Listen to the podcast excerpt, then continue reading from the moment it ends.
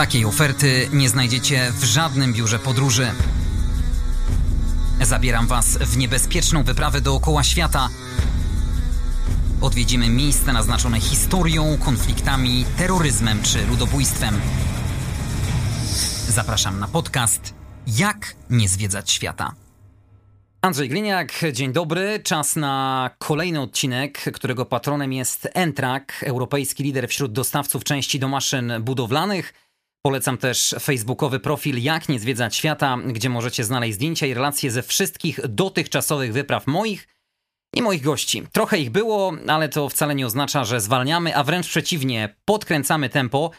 Zapraszam Was do kolejnego nietypowego miejsca, o którym opowie kolejna kobieta w podcaście. Miłośniczka przygód i dobrego jedzenia, na co dzień tworzy raporty dla jednej z wrocławskich korporacji. Przez blisko rok mieszkała w Kirgistanie. Laura Świątek. Hej. Kirgistan. Dawna Republika Radziecka, państwo, które leży w Azji Środkowej. Jego stolicą jest Biszkek i... I to było chyba na tyle. Z czym przeciętnemu Kowalskiemu może się jeszcze kojarzyć Kirgistan? E, no na pewno z górami. To jest pierwsza główna myśl, o której ludzie pewnie myślą sobie. Dodatkowo myślę, że ludziom się kojarzy z dziwnym jedzeniem, może z mózgiem owcy, E, albo z kumysem, czyli e, kobylim mlekiem. To na pewno też to. No i poza tym, e, że była to Republika Radziecka. To na pewno też większość ludzi wie. Próbowałaś mózg owcy? Nie próbowałam, próbowałam innych części owcy. Przeglądałem twojego bloga, w którym podkreślasz, że wybór Kirgistanu, jeśli chodzi o twoje miejsce zamieszkania, był dla ciebie totalnym spontanem. Trochę podróż nieznane. Ja musiałam sobie wygooglować miasto, do którego jadę, bo nie miałam wcześniej o nim pojęcia. E, no ale tak się trafiło, że pojechałam do tego Kirgistanu i w ogóle nie żałuję. Ale jak to się trafiło? Skąd ten Kirgistan? E, ja szukałam ogólnie jakiejkolwiek, jakiegokolwiek oderwania od rzeczywistości, bo ja skończyłam studia w 2018 i potem e, poszłam do pracy od razu, no ale nie spodobało mi się tam, więc na Facebooku szukałam jakiejkolwiek e, ucieczki z Polski, ucieczki od rutyny, no i znalazłam ten Kirgistan. E, to była oferta dla jednej osoby z Polski e, do wyjazdu, więc się zgłosiłam i wyjechałam. Na czym miała polegać Twoja praca? Pracowałam w organizacji pozarządowej na rzecz praw człowieka, głównie praw kobiet i przeciw dyskryminacji rasowej. Miałaś jakieś obawy przed wyprawą do Kirgistanu? Ogólnie miałam dużo obaw, bo też mnie y, ludzie straszyli oczywiście, że to jest kraj muzułmański, y, tam mogą być też terroryści i w ogóle to jest y, gdzieś dziki kraj w Azji Centralnej. Czyli, że nie będziesz mogła nosić krótkich spódniczek, krótkiego rękawka? Tak, ja w ogóle nie wzięłam żadnych takich krótkich rękawków, nie wzięłam spodenek krótkich, no potem się okazało, że ludzie tak chodzą ubrani, a ja się gotowałam w 40 stopniach. No ale, ale właśnie tak, miałam obawy. E, no to obawy ostatecznie nic się nie spełniło z nich. I że pewnie nie będzie gdzie imprezować. Tak, tak też myślałam, że nie będzie gdzie imprezować. Ogólnie to też było moje pierwsze pytanie, e, jak się pytałam ludzi, którzy już tam mieszkają z Europy, e, czy tam będą jakieś kluby, czy tam będą jakieś bary, bo nie wiedziałam. No okazało się, że, że tam życie nocne wygląda bardzo podobnie do tego, co jest w Polsce. Czyli w zasadzie od razu na początku twojego przyjazdu pozytywnie się rozczarowałaś? Myślę, że tak. Może na samym początku też dostałam takie, taki stos e, dobrych rad od ludzi, z którymi współpracowałam. Oni też mnie trochę przestraszyli, co też się potem okazało, że niekoniecznie to jest prawdą. No więc sama musiałam to wszystko sobie ogarnąć. Sama musiałam zobaczyć, co mogę, czego nie mogę. Jak wyglądał taki codzienny dzień pracy w Kirgistanie? W moim wykonaniu wyglądało to tak, że chodziłam do pracy po południu i wracałam wieczorem, a poranki spędzałam na przykład na bazarze albo gotując. Dzień typowy takich zwykłych Kirgizów wygląda tak, że oni właśnie idą do pracy rano i w pracy bardzo dużo czasu spędzają, tylko oni sobie tam chodzą na obiadki razem, yy, gadają dużo, palą papieroski, piją kawę, więc to jest taki długi, powolny dzień. Yy, ja wolałam trochę inaczej to ogarnąć, więc... Yy, więc no, poranki na bazarze, wieczory w pracy. Jak oni cię przyjęli? Myślę, że przyjęli mnie bardzo dobrze. Ogólnie y, to, co myślę o Kirgizach, to to, że są naprawdę bardzo gościnnymi ludźmi.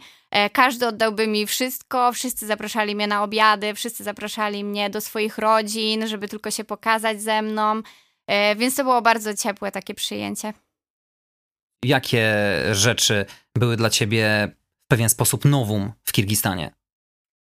E, myślę, że po pierwsze zdziwiłam się, że jest taki ruch, jest taki hałas na ulicach, że co chwilę ktoś ciebie zagania, jakieś taksówki e, trąbią na ciebie, e, ktoś tu mówi, żeby... Czyli jeżdżą na pamięć. Jeżdżą na pamięć, no jest bardzo dużo wypadków. Nawet e, raz ja miałam taki minimalny wypadek. E, taka pani mnie trochę dotknęła samochodem, jak przechodziłam przez pasy. Mm, no ogólnie to jest, jest tam tak, że, że no jest taki harmider na ulicach, jest, e, jest też dużo kurzu, e, więc myślę, że to na początku zwróciło moją uwagę. W jakim mieście pracowałaś? Bo to jak wspominaliśmy na wstępie, stolicą jest Biszkek, największe miasto Kirgistanu. Tak, ja pracowałam w mieście Osz. Osz jest... Drugie co do wielkości. Drugim co do wielkości, prawda? I Osz leży na południu Kirgistanu, przy granicy z Uzbekistanem. Na pewno to, że pracowałaś e, z miejscowymi ludźmi powodowało, że mogłaś od kuchni niejako poznać ten kraj, tych ludzi, ich mentalność, obyczaje. Tak, myślę, że poznałam bardzo dużo dzięki temu, bo jeżeli jedzie się gdzieś na dwa tygodnie, na trzy tygodnie, to, to nie ma szans, żeby zobaczyć e, mia miasto czy państwo od środka. Zazwyczaj ludzie pokazują na samym początku same pozytywne cechy danego miejsca, dopiero potem się otwierają i dopiero potem tak jakby ja mogłam też zauważyć jakieś takie ciemniejszą stronę tego kraju, powiedzmy. E, no na przykład Kirgizi mają, mieli bardzo duży problem z korupcją, mieli bardzo duży problem z, z przemocą wśród e, kobiet. E, też na początku o, o tym nie mówili. Ja o korupcji potem sama też się dowiedziałam i, i jak ludzie zaczęli mi opowiadać, to, to też byłam trochę w szoku. Ogólnie można kupić sobie na przykład e, dyplom na uniwersytecie. Bardzo często jest tak, że ludzie, dzieci bogatych ludzi nie, nie studiują, tylko po prostu płacą za ten dyplom e, albo jadą gdzieś za granicę. Tak samo, jeżeli chcesz dostać jakąś taką lepszą pracę w Kirgistanie, to też e, musisz sobie kupić to miejsce, więc nie ma czegoś takiego jak CV, nie ma czegoś takiego jak rozmowy kwalifikacyjne. E, tylko po prostu ten, kto ma pieniądze, ten, kto ma rodzinę w, w jakiejś firmie, to dostaje te lepsze pozycje, a ludzie, którzy nawet mają jakieś większe, fajniejsze doświadczenie, yy, dobrze się uczą, nie mają szans na jakąś taką lepszą pracę. No to pewnie skoro tak e, krytykowałaś ich jazdę, to pewnie też prawo jazdy można kupić za pieniądze. Nie mam pojęcia co do tego, ale, ale nie zdziwiłabym się, gdyby można było kupić. Ty sama doświadczyłaś korupcji na własnej skórze? Takiej nie do końca korupcji, ale trochę korupcji tak. E, to było związane z wyrabianiem wizy, bo ja wyrabiałam wizę pracowniczą, którą było bardzo ciężko wyrobić. No i Gdzie taką wizę można wyrobić? To jest ciężki proces, można ją wyrobić tylko i wyłącznie w jednym miejscu. E, lecąc z zagranicy na lotnisko w Biszkeku jest tam miejsce, w którym można wyrobić wizę do Kirgistanu. To oczywiście jeśli chodzi o wizę pracowniczą, bo wiza turystyczna na krótki okres pobytu nie jest wymagana. Na dwa miesiące można wjechać bez wizy, na dwa albo trzy miesiące, już nie jestem pewna. Ale, y, ale potem, jeżeli chcesz zostać dłużej, no to najlepszą drogą jest po prostu pojechać do Uzbekistanu albo jakichś innych krajów przygranicznych, y, no i wrócić i masz kolejne dwa albo trzy miesiące mm, no za darmo. A jeżeli chcesz pracować legalnie tam, to musisz wyrobić taką wizę pracowniczą.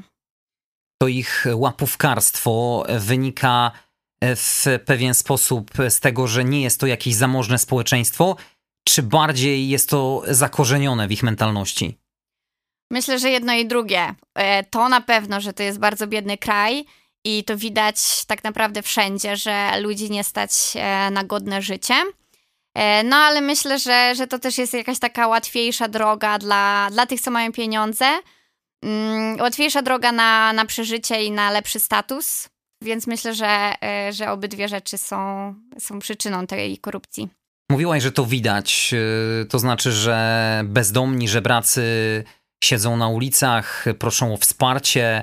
Nie ma zbyt wielu ogólnie bezdomnych, ani w Osz, ani w Biszkeku.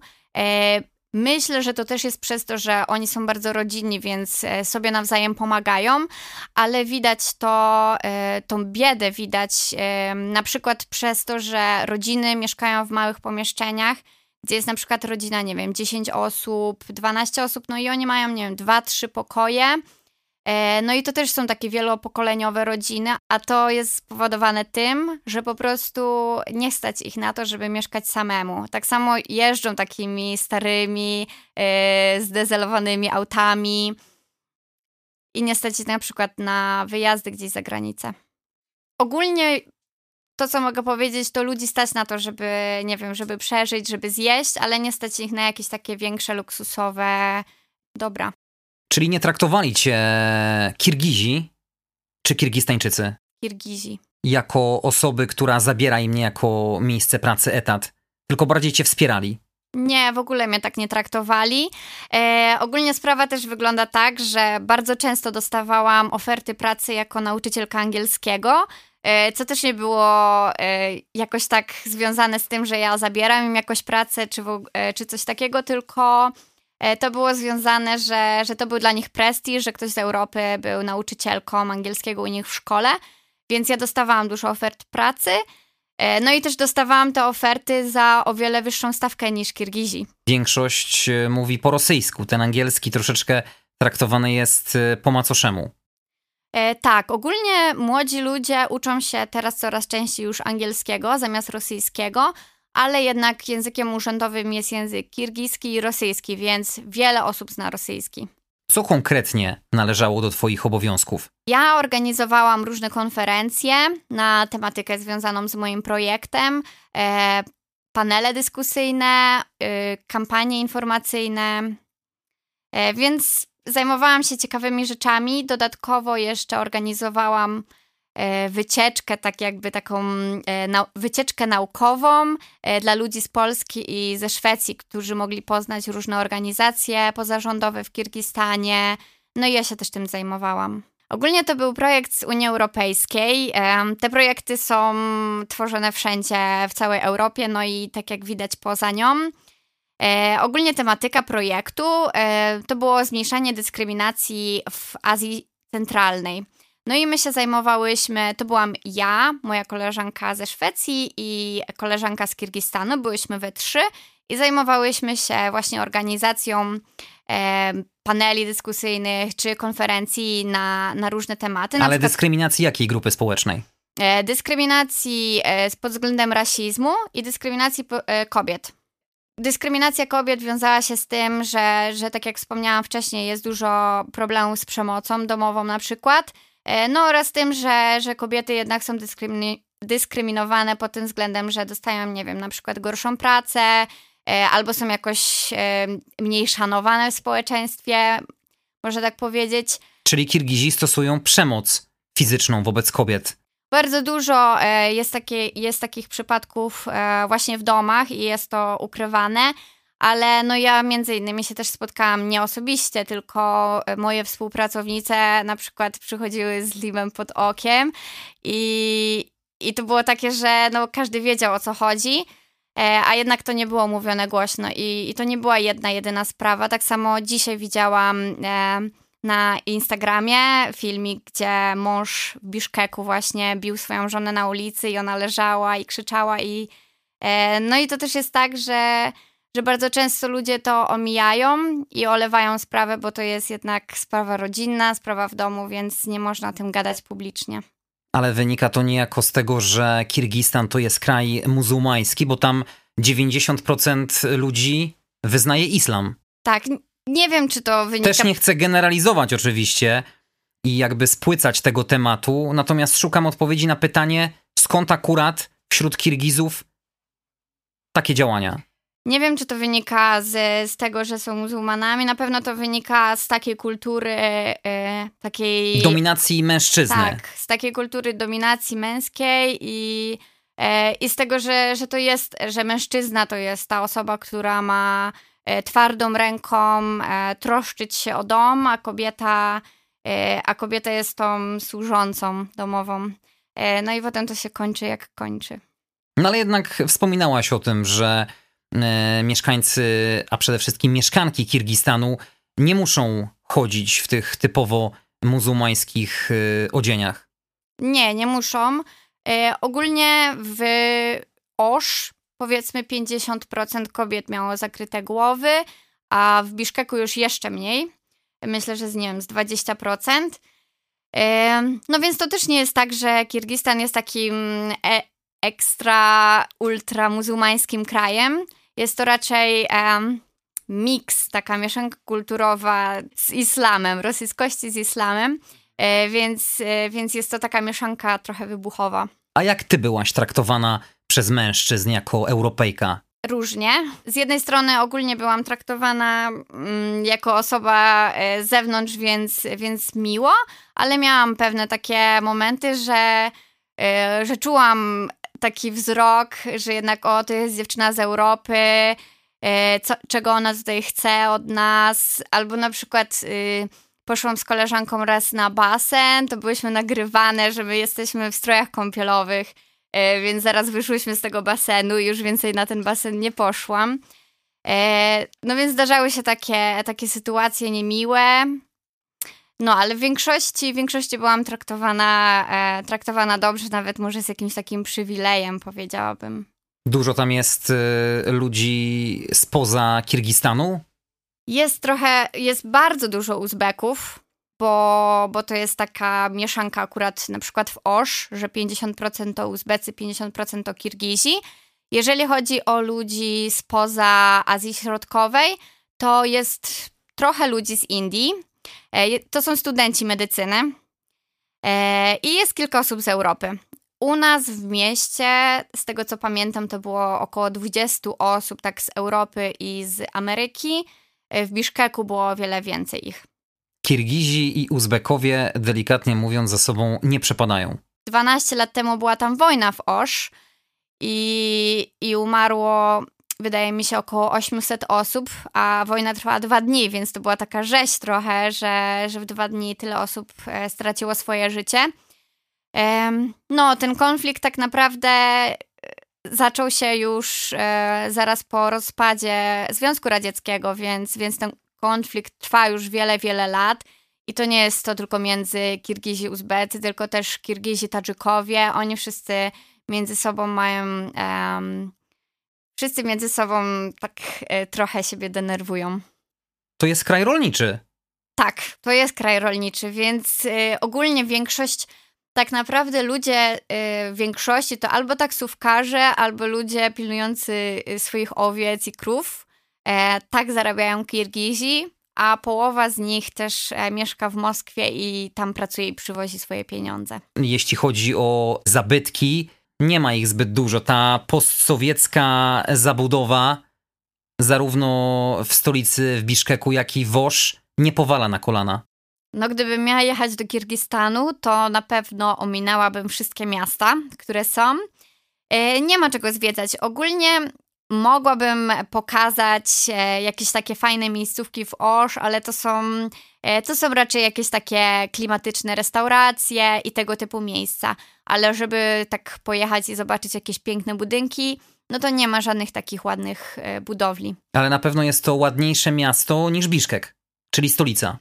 Myślę, że, że bardzo podobnie, chociaż w Osz, w centrum miasta, mamy tą wielką górę Sulejmana, więc, więc to robi robotę i, i to jest miejsce takie, do którego się jedzie i, i które się odwiedza, bo faktycznie robi wrażenie taka wielka góra w centrum miasta. Najbardziej chyba tłumnie odwiedzanym przez e, turystów, niejako symbolem miasta, jest muzeum e, archeologiczne wykute w jaskini w centralnej górze. Tak, ja też tam byłam, ale było strasznie nudne. E, no nie jest to muzeum na poziomie europejskim. Gdybym miała tam jeszcze raz pojechać, e, żeby zobaczyć to muzeum, to bym się zastanowiła, czy, czy chcę tracić te 5 złotych, żeby to zobaczyć. No to przynajmniej może zdjęcie sobie warto zrobić e, w parku, gdzie stoi pomnik samolotu Jak 40. w parku albo na placu Lenina z Wielkim Leninem. Też można zrobić sobie zdjęcie. Czyli Związek Radziecki wiecznie żywy. Te pomniki Lenina można spotkać na każdym kroku. Sierp i młot. Tak, oczywiście, że można spotkać. E, plac Lenina to jest główny plac e, w mieście, więc, więc tam wszystkie parady, wszystkie jakieś większe uroczystości mają miejsce. E, no i faktycznie to jest wielki, wielki monument, który można podziwiać. No to co najbardziej urzekło cię? Myślę, że natura jest tym, tą rzeczą, która mnie najbardziej urzekła w Kirgistanie. No oprócz ludzi, których tam poznałam i ich gościnności E, to na pewno góry i w góry bym jeszcze raz się wybrała bardzo chętnie. Daleko trzeba wyjechać poza Osz albo Biszkek, żeby zobaczyć te piękne widoki? Nie, wystarczy, wystarczy pojechać około godziny, dwóch i, i jesteś już w górach. E, tylko to nie są takie góry, tak jak, e, tak jak u nas w Polsce, że jedzie się samochodem, ma się parkingi i idzie się na szlaki. E, to są raczej bardzo dzikie góry, więc jeżeli chcesz pozwiedzać takie miejsca, no to albo wynajmujesz sobie przewodnika, albo błądzisz. I jak błądzisz, to i tak musisz wiedzieć, gdzie chcesz pojechać, bo, bo ludzie też sami nie wiedzą. Ludzie z miasta na przykład nie wiedzą, gdzie pojechać w góry, żeby sobie gdzieś pochodzić. E, oni żyją miastem i ewentualnie co mogą ci powiedzieć, to gdzie ich rodzina mieszka w górach w jurtach i, i to by było na tyle. Czyli w takich e, surowych klimatach można spotkać zupełnie innych ludzi. Tak, tak, na pewno tak. E, ogólnie ludzie, e, ludzie Kirgizi, nazwałabym, że to są tacy bardzo prości, życzli, życzliwi ludzie. E, I myślę, że w górach można to też zauważyć. E, oni podzielą się z tobą wszystkim, oni cię zaproszą do swojej jurty, E, będziesz musiał wypić kumys albo, albo troszeczkę tylko spróbujesz. No ale można widać tą, widzie, zobaczyć tą gościnność i, i zobaczyć, że to są naprawdę ludzie, ludzie z otwartym sercem. Kumys, czyli narodowy napój w Kirgistanie. Napój alkoholowy z kobylego mleka. Tak, to jest napój alkoholowy, ma do 2% alkoholu, więc jak wypijesz taki litr kumysu, to możesz już coś poczuć ale nie wiem, czy byś dał radę wypić. A ja chciałem cię czymś zagiąć, ale chyba by mi nie wyszło, bo z kolei znalazłem e, taką ciekawostkę, że najchętniej pitym alkoholem wśród Kirgizów jest nie kumys, ale spirytus. spirytus. To prawda?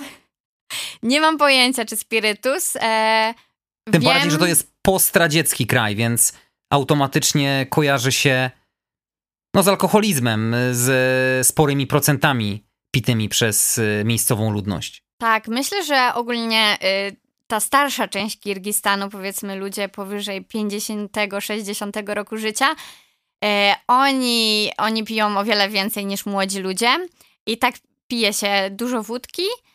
No i jest ona bardzo tania. Na przykład pół litra, z tego co pamiętam, to takiej najtańszej wódki kosztowało około 15 zł. Blisko rok e, spędziłaś w Kirgistanie. Gdzie mieszkałaś? Wynajmowałam mieszkanie. Najpierw wynajmowałam sama kawalerkę w centrum miasta, e, ale to było znalezione przez e, moją współpracownicę i wydaje mi się, że nie spędziła dużo czasu, żeby znaleźć mi to mieszkanie, bo było takie całe w grzybie i nic tam nie działało praktycznie. No ale ogrzewanie było i ciepła woda. Ciepła woda była, ogrzewanie nie wiem, bo, bo było lato, ale potem przeprowadziłam się do drugiego mieszkania i tam mieszkałam zimą. No i tam też miało ogrzewanie być, ale było takie tylko letnie, więc spałam w skarpetach, bluzach i czapce. A co byś mogła najbardziej polecić osobom wybierającym się do Kirgistanu, jeśli chodzi o nocleg? No na pewno bym polecała latem jurty. To wiadomo, że trzeba się przespać w jurcie, y, ale to trzeba pojechać w góry. Przyznaję się bez bicia, nie wiem co to jest. E, jurta to jest taki, to jest taki namiot skórzany, e, który Kirgizi e, rozkładają na lato w górach. Więc oni zimą mieszkają na wsiach, a latem przeprowadzają się i swoje, ze swoimi zwierzętami w góry, żeby wypasać je. Nie wiedziałem może dlatego, że ja nigdy w życiu nie spałem w namiocie. E, no, to są właśnie to są takie klimaty spania w namiocie, więc jest trochę zim, e, więc nocą jest trochę zimno, e, o poranku się słońce, więc, więc jest to coś na pewno ciekawego, co fajnie przeżyć, przynajmniej raz w życiu. Więc to polecam. Ale ceny, jeśli chodzi o wynajęcie miejsca do spania, są przystępne dla nas. Tak, ceny są takie same jak w Polsce. E, więc hostele to cena około 30-40 zł. Takie spanie w jurcie bardzo podobnie. E, tylko, że w jurcie zazwyczaj jest tak, że od razu musimy wynająć z jedzeniem, bo, no bo jesteśmy w górach, więc tam nie ma schronisk, więc nie ma kto inny dać wam jeść. Więc e, trzeba wynająć e, jurtę plus e, z wyżywieniem. Jak wygląda kuchnia kirgiska? Przypadła ci do gustu? Nie za bardzo, powiem szczerze. Są. E, Tłusto. Jest bardzo tłusto i bardzo mięsnie. Ja mięsa praktycznie nie jadam, więc, więc musiałam się tam przystawić. Ogólnie przed wyjazdem do Kirgistanu pamiętam, że e, byłam na diecie wegetariańskiej. Przyjechałam tam i wytrzymałam na tej diecie, nie wiem, trzy dni. E, no a potem już rzuciłam wszystko i uznałam, że no trudno. Muszę jakoś przeżyć. Jaka tam jest potrawa narodowa? Na pewno plow, czyli to jest ryż z warzywami i z wołowiną. Jest bardzo smaczny. Ten plow to jest takie główne danie, które je się na jednym wielkim talerzu i wszyscy ludzie jedzą palcami z tego talerza, więc to jest takie integrujące danie. E, dodatkowo jeszcze mamy manty, czyli to są takie pierożki. E, one są też zazwyczaj z mięsem. E, jest samsa, to są też bułeczki takie z mięsem. E, lagman, czyli makaron z mięsem. No, więc, więc jest to kuchnia na bazie mięsa. Dodatkowo je się na przykład beszbarmak, czyli to jest makaron z tłuszczem i mięsem. No i, i różne części owcy też są często spotykane. Na przykład mózg. Na o którym przykład, na wstępie mówiłaś. Na przykład mózg. E, mózg się je na specjalne okazje. To nie jest tak, że można kupić na bazarze i je się co kilka dni. E, to jest raczej na weselach na przykład i to jest... E, mózg przypada najstarszej osobie w rodzinie, więc no my zazwyczaj go jeść nie będziemy. Ciekawe, czy lepiej smakuje niż wygląda. Myślę, że lepiej smakuje, chociaż nie chciałabym spróbować. Czyli tylko starszyzna w Kirgistanie może dostąpić zaszczytu skosztowania mózgłowcy. Tak, tylko starszyzna. No ogólnie starszyzna ma o wiele więcej praw niż młodzi ludzie, e, więc ma też prawo do najlepszych e, kąsków owcy. Ale ty miałaś pewnie prawo skosztować ashlan fu. To jest kirgijska zupa narodowa, serwowana na zimno z grubym makaronem. Próbowałaś? Nie, nie próbowałam. Pierwszy raz słyszę. Ma słodko-słony posmak. Jedzą ją na śniadanie, obiad i kolację. Nie mam pojęcia, co to jest ta zupa. No to następnym razem, jak się wybierzesz, musisz koniecznie skosztować. Muszę koniecznie skosztować. Jadłam inne zupy i, i też nie mam zbyt dobrego zdania o kirgiskich zupach. Raz zjadłam zupę o nazwie szorpo i była to um, woda z połową takiego zczerniałego ziemniaka i z kością owcy. Więc, e, więc to było coś, co spróbowałam, no i nie. A coś na słodko? A na słodko to oni mają taki miodownik. to wydaje mi się, że to jest jaka, jakieś rosyjskie ciasto. E, no i to jest przekładane biszkopty z miodem, więc, więc to jest coś bardzo smacznego. A na słodko dodatkowo Kirgizi jedzą takie kulki serowe, które w ogóle nie są słodkie są słone i też niesmaczne. E, to się nazywa kurut. E, no i dla nich to jest przekąska taka słodycz trochę. Tam są modne street foody? Oczywiście, że są modne street foody. Na bazarze możemy na przykład dostać pierożki za 3 zł. Na przykład taki street food, jeżeli pójdziemy na bazar, no to dostaniemy jednorazową reklamówkę pani ręką włoży nam na przykład troszeczkę tych pierożków, ile zechcemy, poleje olejem, doda cebulki, e, no i takie danie możemy sobie jeść e, e, przechodząc do kolejnych stoisk na bazarze. Jest też modny kebab. Kebabów jest mnóstwo, myślę, że tyle samo co we Wrocławiu, ale kirgiski kebab jest o wiele, wiele smaczniejszy. Wspominałaś o bazarach, czyli ta esencja prawdziwej wycieczki można poznać dany kraj od kuchni. Co było charakterystyczne właśnie dla bazarów w Kirgistanie? Oj tak. Ogólnie bazar w Osz jest ogromny, ciągnie się przez półtorej kilometra, więc jeżeli idziesz na takie zakupy, no to yy, nie wiem, to trwa na przykład 2-3 godziny, aż przejdziesz z, jednego, z jednej części do drugiej z powrotem. Jest mnóstwo ludzi na bazarach, e, jest straszny też harmider. Trzeba ruch. uważać na kieszonkowców. Myślę, że tak. Ja zawsze trzymałam portfel jakoś blisko siebie, więc nigdy nie zostałam okradziona, ale jest tyle ludzi, że myślę, że, że to jest możliwe, żeby, e, że ktoś okradnie mm, i, i zabierze nam trochę pieniędzy. E, no na bazarach też można się na przykład targować. E, ja nigdy nie potrafiłam się targować i nigdy się nie nauczyłam, ale, ale ludzie potrafią. Można tak naprawdę znaleźć tam na tym bazarze wszystko. Wszystko, czego zechcesz, na, na pewno to znajdziesz na takim bazarze. Miałaś takie wrażenie, że Kirgizi w tych miejscach chcą naciągać turystów? Tak, na pewno chcą trochę naciągnąć, ale też nie ma co się dziwić. Ja na początku z tym trochę walczyłam, byłam zła, że ktoś chce mnie naciągnąć e, na jakąś wyższą kwotę. To nie są jakieś dużo większe kwoty, ale trochę więcej zawsze się płaci. E, no ale potem uznałam, że skoro oni są o wiele biedniejsi niż ja, no to dlaczego, dlaczego mam, e, mam się kłócić z nimi nie wiadomo jak. To też nie wychodzi, to też nie polega na tym, że Kirgizi na bazarze chcą naciągać obcokrajowców, oni chcą naciągać po prostu ludzi, którzy wyglądają na bogatszych. Więc jeżeli idzie taki ładnie ubrany Kirgiz na bazar, to też dostanie wyższą cenę. A co nietypowego można było kupić na takim bazarze?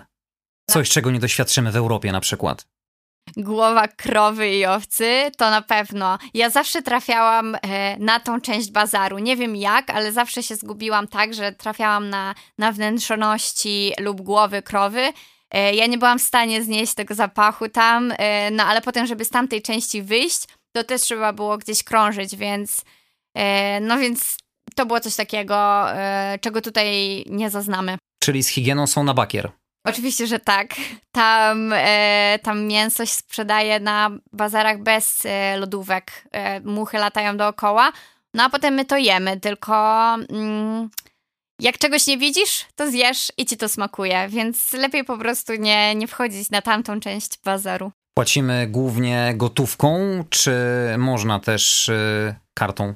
Oj, praktycznie nie ma miejsca, gdzie można zapłacić kartą, więc e, na początku trzeba płacić. E, na początku trzeba sobie wybrać pieniądze w gotówce i płacimy zawsze gotówką. Najlepiej mieć właśnie jakieś takie mniejsze e, kwoty, nie największe nominały, bo, bo wtedy ludzie nie będą mieli jak wydać.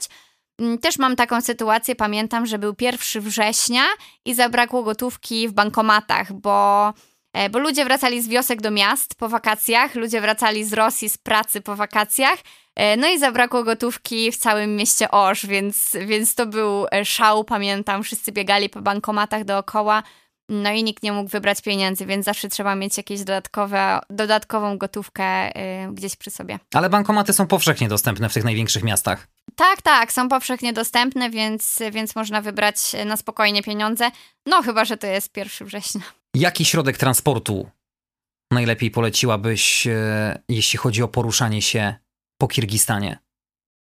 Mm, taksówki to jest najbardziej, um, najbardziej, popula najbardziej popularny środek transportu. E, no i wychodzi często taniej niż na przykład marszrutki, jeżeli się złożymy e, na kilka osób na kierowcę. Jest to o tyle tanie, że można wynająć sobie taką taksówkę na cały dzień. E, no i to kosztuje, nie wiem, 150-200 zł i przez cały dzień można jeździć e, z taksówkarzem. E, popularne są oczywiście również marszrutki, czyli te malutkie busiki, które dowiozą nas wszędzie i nie mają zazwyczaj rozkładów jazdy, nie mają też przystanków, tylko wystarczy pójść na ulicę, zamachać ręką i jakaś marszrutka się zatrzyma. A wypożyczenie auta? Nie próbowałam, ale myślę, że przy, przy tym, jak Kirgizi jeżdżą po ulicach, to wolałabym wynająć auto z taksówkarzem niż e, bez. Oni tam mają metro? E, nie mają metra. E, nie mają też tramwajów, e, nie mają pociągów, więc e, żeby pojechać na przykład sobie pociągiem, to trzeba e, pojechać do Uzbekistanu albo do Kazachstanu. W Kirgistanie nie ma pociągów. Rowery albo skutery? Skuterów jest kilka na ulicach, ale nie jest to coś popularnego. A rowery to ja się w ogóle sama zdziwiłam, że po pierwsze mnóstwo Kirgizów nie umie jeździć na rowerach. E, nie ma ścieżek rowerowych, więc to pewnie też dlatego. E, no i rowery to jest bardzo taka kosztowna atrakcja, bo wynajęcie roweru na godzinę to jest koszt powiedzmy 20 zł, co dla Kirgizów jest, no jest dużym wydatkiem. E, no i na rowerze się jeździ tam tylko i wyłącznie jedną drogą przy rzece. No i ona ma, nie wiem, 2-3 kilometry długości, więc pojedziemy w jedną, w drugą stronę i, i już koniec tak naprawdę, więc wystarczy nam wynająć sobie rower na godzinę i już mamy dosyć. Ja tam dostałam rower na początku, jak się przeprowadziłam. Miałam go sobie naprawić, ale zdecydowałam, że jednak boję się jeździć po ulicach rowerem. Ty wychodziłaś tam często po zmroku. Kirgistan jest bezpiecznym państwem? Uważam, że jest bardzo bezpieczny. Czułam się mm, tak samo bezpiecznie jak tutaj. Nie wiem, czy to można nazwać tak super bezpiecznie, e, bo po zmroku wszędzie jest e, no nie do końca ciekawie. Wychodziłam na przykład na spacer e, przy rzece, nie wiem, około 22, 23, no i szłam sama i czułam się bezpiecznie, nic mi się nie stało. Tym bardziej ty jako kobieta w kraju muzułmańskim. Tak, e, tak. Mogę powiedzieć, że, że no było tam naprawdę. E, ulice były oświetlone, ludzi nie było za wiele, ale jak byli, to, to nie byli jacyś tacy dziwni, więc, więc ja się czułam tam ok. A w dni wolne wieczorami potrafią się bawić? Oczywiście, że tak. To nie jest nawet, że w dni wolne. E, oni tam za bardzo nie mają weekendów, bo zazwyczaj ludzie pracują 6 dni w tygodniu, a nie 5. Więc, więc czegoś takiego jak weekend nie mają, więc bawią się codziennie. E, więc kluby też są otwarte codziennie i, i codziennie jest wielka impreza. Zazwyczaj, zazwyczaj jest tak, że, że kluby są otwierane do trzeciej, do czwartej nad ranem, e, no a potem wszyscy przed klubem się biją. Gorące głowy kirgiskie. Oczywiście, że tak. E, Pamiętam, że na początku się dziwiłam, że zawsze było tak, że jak się wychodziło z jakiejś imprezy, to ktoś już się zaczynał bić. E, no ale potem, no to myślę, że coś to jest podobnego do tego, co jest w Polsce, że jak się napije, to zaraz jest agresywny i, i Kirgizi są bardzo podobni pod tym względem. Czyli za dużo kumysu piją. Za dużo kumysu, na pewno. No to ja w takim razie nie chcę wiedzieć, jak oni się muszą bawić na weselach. E, no tak, wesela to ogólnie jest e, jedna wielka impreza. Na wesela się zbiera od urodzenia dziecka i tu rodzice płacą za wesele, więc, więc to są wielkie imprezy. Wesela ogólnie są dwa. E, pierwsze wesele to jest pożegnanie panny młodej i za to wesele płaci rodzina panny młodej. Na nim się zbiera rodzina właśnie od panny młodej plus koledzy pana młodego.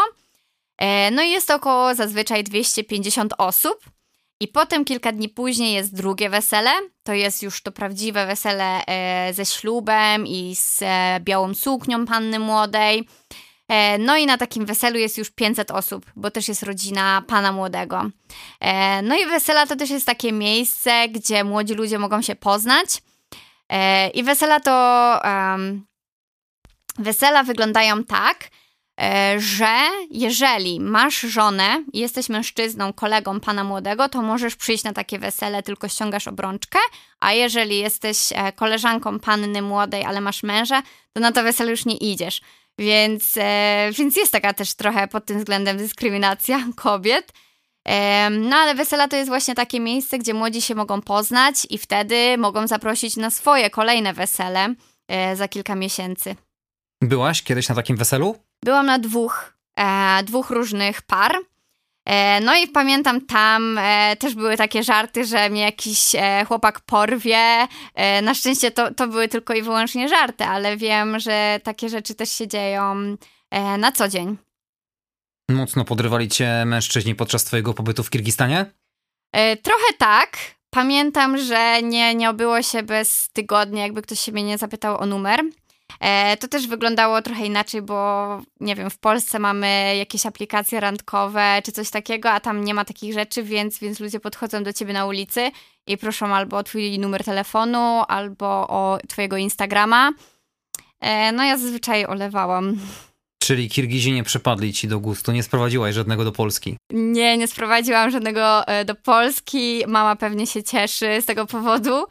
E, no nie przypadli mi do gustu. Nie, nie mówię, że nie byli przystojni, ale, e, ale to nie, nie ten klimat. A wracając jeszcze do wesel, czym one różniły się pod względem obrządku od tych polskich? Wszystkim. różniły się wszystkim, na przykład tym, że na weselu się nie pije alkoholu. Alkohol się pije przed weselem, więc jeżeli wesele zaczyna się o godzinie 20, E, to pije się od 12 do tej 20. To oni po... są jeszcze w stanie się utrzymać na nogach? E, no właśnie niektórzy nie, ale, ale potem siedzą i jedzą. I, I wesele się kończy około 24. Też ten, to rozpoczęcie godzinowe wesela to nie jest tak, że jak masz na zaproszeniu 20, to masz przyjść na 20. Jeżeli na zaproszeniu jest 20, to musisz przyjść o 22. To jest e, w dobrym tonie, żeby się spóźnić dwie godziny. Państwo młodzi dostają podarki, dostają skóry, e, takie do noszenia, czapki, ale na przykład prezentów nie daje się Państwu młodym, tylko daje się rodzicom pieniądze. Bo to właśnie rodzice płacą za wesele, więc to im ma się zwrócić. Więc e, jeżeli masz dać zamiar jakieś pieniądze, to dajesz je rodzicom. A skoro wspominałaś o takim tradycyjnym elemencie odzieży, e, kołpak, czyli ta tradycyjna czapka Kirgizów, tak. zrobiona z białego i czarnego haftowanego filcu. Tak, kołpak jest bardzo, e, bardzo częstym nakryciem głowy Kirgizów. E, oni ogólnie noszą e, czapki powyżej uszu, więc, więc te wszystkie czapki odstają, a zazwyczaj jest to kołpak, który jeszcze bardziej odstaje. No i można to zobaczyć, że oni noszą to nie tylko starzy ludzie, ale też młodzi. No i myślę, że, że zimą, a nawet latem większość Kirgizów nosi kołpak na głowie. A kończąc już ten temat wesel, ile taka zabawa trwa? No tak jak powiedziałam, dwa dni od rana do około północy, a potem można zrobić sobie after właśnie z młodymi ludźmi. Czyli poprawiny. E, czyli takie poprawiny. No jest, jest to na pewno duża, duża fajna zabawa e, i warto coś takiego zobaczyć. Mówiłeś, że to bardzo buńczuczny naród, przede wszystkim jeśli chodzi o mężczyzn, ale znalazłem też taką informację, że oni mają wielki strach przed wojną. Oni się boją ogólnie, jeżeli chodzi o, o jakieś takie powstania, o wojny. Bardzo często tego doświadczają. Przynajmniej raz w roku jest jakieś powstanie, tutaj wygnają jednego prezydenta, tutaj zaraz będzie drugi. Więc jeżeli coś takiego się dzieje, e, to większość ludzi z kraju siedzi w domach, e, boją się wyjść wtedy na ulicę. I ja pamiętam, raz miałam taką sytuację, że no, że coś tam się zaczęło dziać w kraju, nie, nie żeby to było zaraz jakieś, e, zaraz jakaś rewolucja, ale, mm, ale coś było, e, coś było na, e, na pieńku i, i wtedy ludzie z mojej organizacji, z pracy mówili, żeby lepiej nie opuszczać domu, lepiej, żeby nie opuszczać miasta. No a to był długi weekend, więc ja sobie chciałam wyjechać gdzieś. Um, no więc musiałam okłamać wszystkich, że, że zostaję w domu, a ja sobie wyjechałam w góry w weekend, bo uznałam, że no w górach nic mi się nie stanie. Bardziej by mi się stało coś w mieście niż w górach. Więc, e, więc musiałam jechać e, tak po cichaczu. E, no ale, ale myślę, że, że bardzo się boją e, takich, takich rewolucji. Ale to też dlatego, że bardzo często coś tam się dzieje. Albo na granicy, albo w stolicy. Ciebie podczas Twojej obecności w Kirgistanie przez ten cały rok spotkało cokolwiek nieprzyjemnego? E, z takich bardzo niebezpiecznych sytuacji nie wydaje mi się, żeby coś, e, coś się przytrafiło. Nie. I też w sumie ludzie, którzy mi opowiadali, którzy też podróżowali po Kirgistanie, też nie mieli żadnych nieprzyjemnych sytuacji. E, więc myślę, że to jest kraj bezpieczny do podróżowania. Z jednej strony bezpieczne państwo, ale cały czas ta bomba może wybuchnąć. No tak, to, to nie jest Europa i to od razu widać, że to nie jest Europa e, i to nie jest na przykład taka demokracja jak w Polsce czy w jakichś innych krajach europejskich. E, to jest tylko i wyłącznie taka demokracja na papierze, a, a jednak i tak silniejszy wygrywa. Dużo tam widać policji wojska na ulicach? Wojska może nie, ale policji jest, jest dużo na ulicach, tylko tak naprawdę, jeżeli miałabym komuś nie ufać, to właśnie policji tam. Pytam też pod kątem korupcyjnym, o którym wspominałaś na początku. Czy ta policja jest łatwo przekupna? Tak, oczywiście, że jest łatwo przekupna. Można. E, no, oni tylko czekają na to, żeby dać im pieniądze i się wtedy odczepią. Bardzo często zatrzymują samochody na drodze, no i chcą od nich łapówki. E, więc, e, więc lepiej się z nimi nie kłócić, po prostu dać im jakieś pieniądze i, i oni wtedy sobie pójdą. E, no ogólnie to też jest tak. E, sprawa wyglądała tak, że, że ja usłyszałam kiedyś od, od Kirgizów e, samych taką, taką historię, że jeżeli chcesz na przykład kupić jakieś narkotyki, to właśnie od policji, bo, bo oni zbierają to na granicy i potem sprzedają sami. Więc, więc to było. Czyli policjanci dilerzy. Policjanci dilerzy, więc no, na czym mogą zarobić? No to właśnie między innymi na tym. No i tak. Najciemniej pod latarnią. Najciemniej pod latarnią, tak. Rok mieszkałaś i pracowałaś w Kirgistanie. Projekt został zrealizowany? Nie, nie został zrealizowany. To była jedna wielka kropla w oceanie problemów. Poza tym projekt się nie zakończył przez to, że wybuchła pandemia. E, no i musiałyśmy jak najszybciej wracać e, do, do Europy, do Polski, do Szwecji, więc, e, więc nie, nie udało się dokończyć. Myślę, że, że w pewnych momentach jakoś się zrealizował pod tym względem, że tak jak widzę w tym momencie jest więcej osób chętnych do takich lokalnych osób chętnych, którzy, którzy chcą pomagać w tej tematyce, w OSZ. No ale myślę, że to było raczej jako jako taka zabawa dla nas, może, może poznanie kraju, ale to, żebyśmy my zrobiły jakieś zmiany tam, e, to nie wydaje mi się, żeby, żeby to było coś takiego wielkiego, coś takiego wow.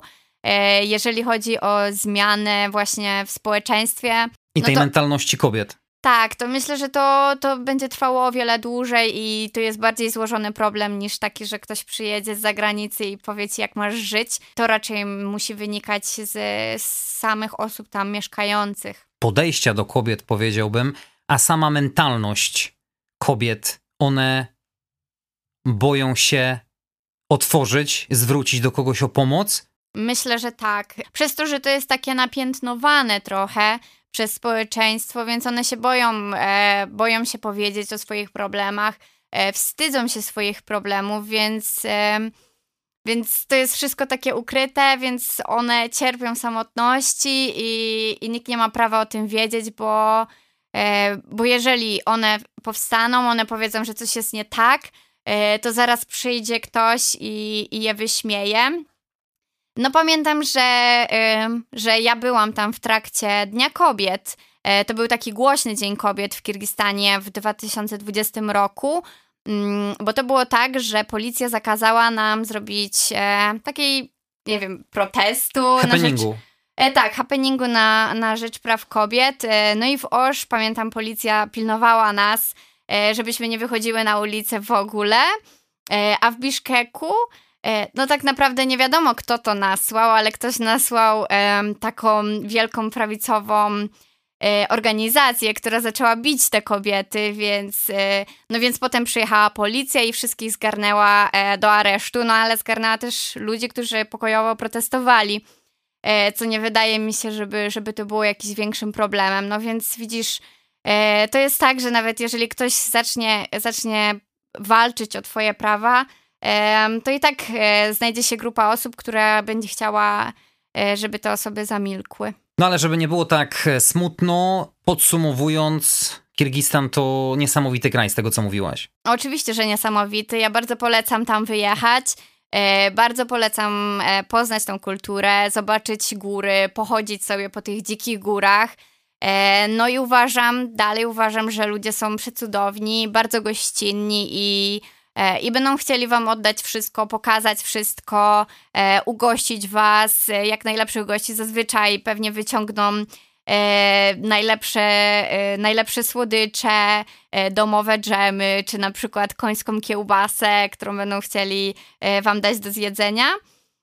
Więc, więc myślę, że to jest kraj jeszcze nie dotknięty taką, właśnie turystyką, um, jeszcze nie, nie dotknięty, masową. właśnie, dzięki, nie dotknięty turystyką masową, więc, więc będziecie mogli doświadczyć czegoś, czego nie doświadczycie w większości już świata tak naprawdę. Jak najkorzystniej dostać się do tego państwa? E, myślę, że najkorzystniej dostać się polecieć sobie przez Moskwę do Biszkeku e, lub do Osz i potem stamtąd wynająć e, taksówkę e, i sobie jeździć taksówką po górach. E, no, sprawa też wygląda tak, że, że ja będę chciała się w czerwcu wybrać z, z jakąś... Znowu? Tak, e, na, na dwa tygodnie, żeby pozwiedzać właśnie góry. E, no i z chęcią zabiorę kilka osób ze sobą, dlatego, dlatego zapraszam też Bo ty prowadzisz swojego bloga. Tak, ja Gdzie prowadzę cię można znaleźć w sieci? na Facebooku, nazywa się Doprawione Podróżami. Tak samo na, na stronie internetowej Doprawione Podróżami word- wordpress.com.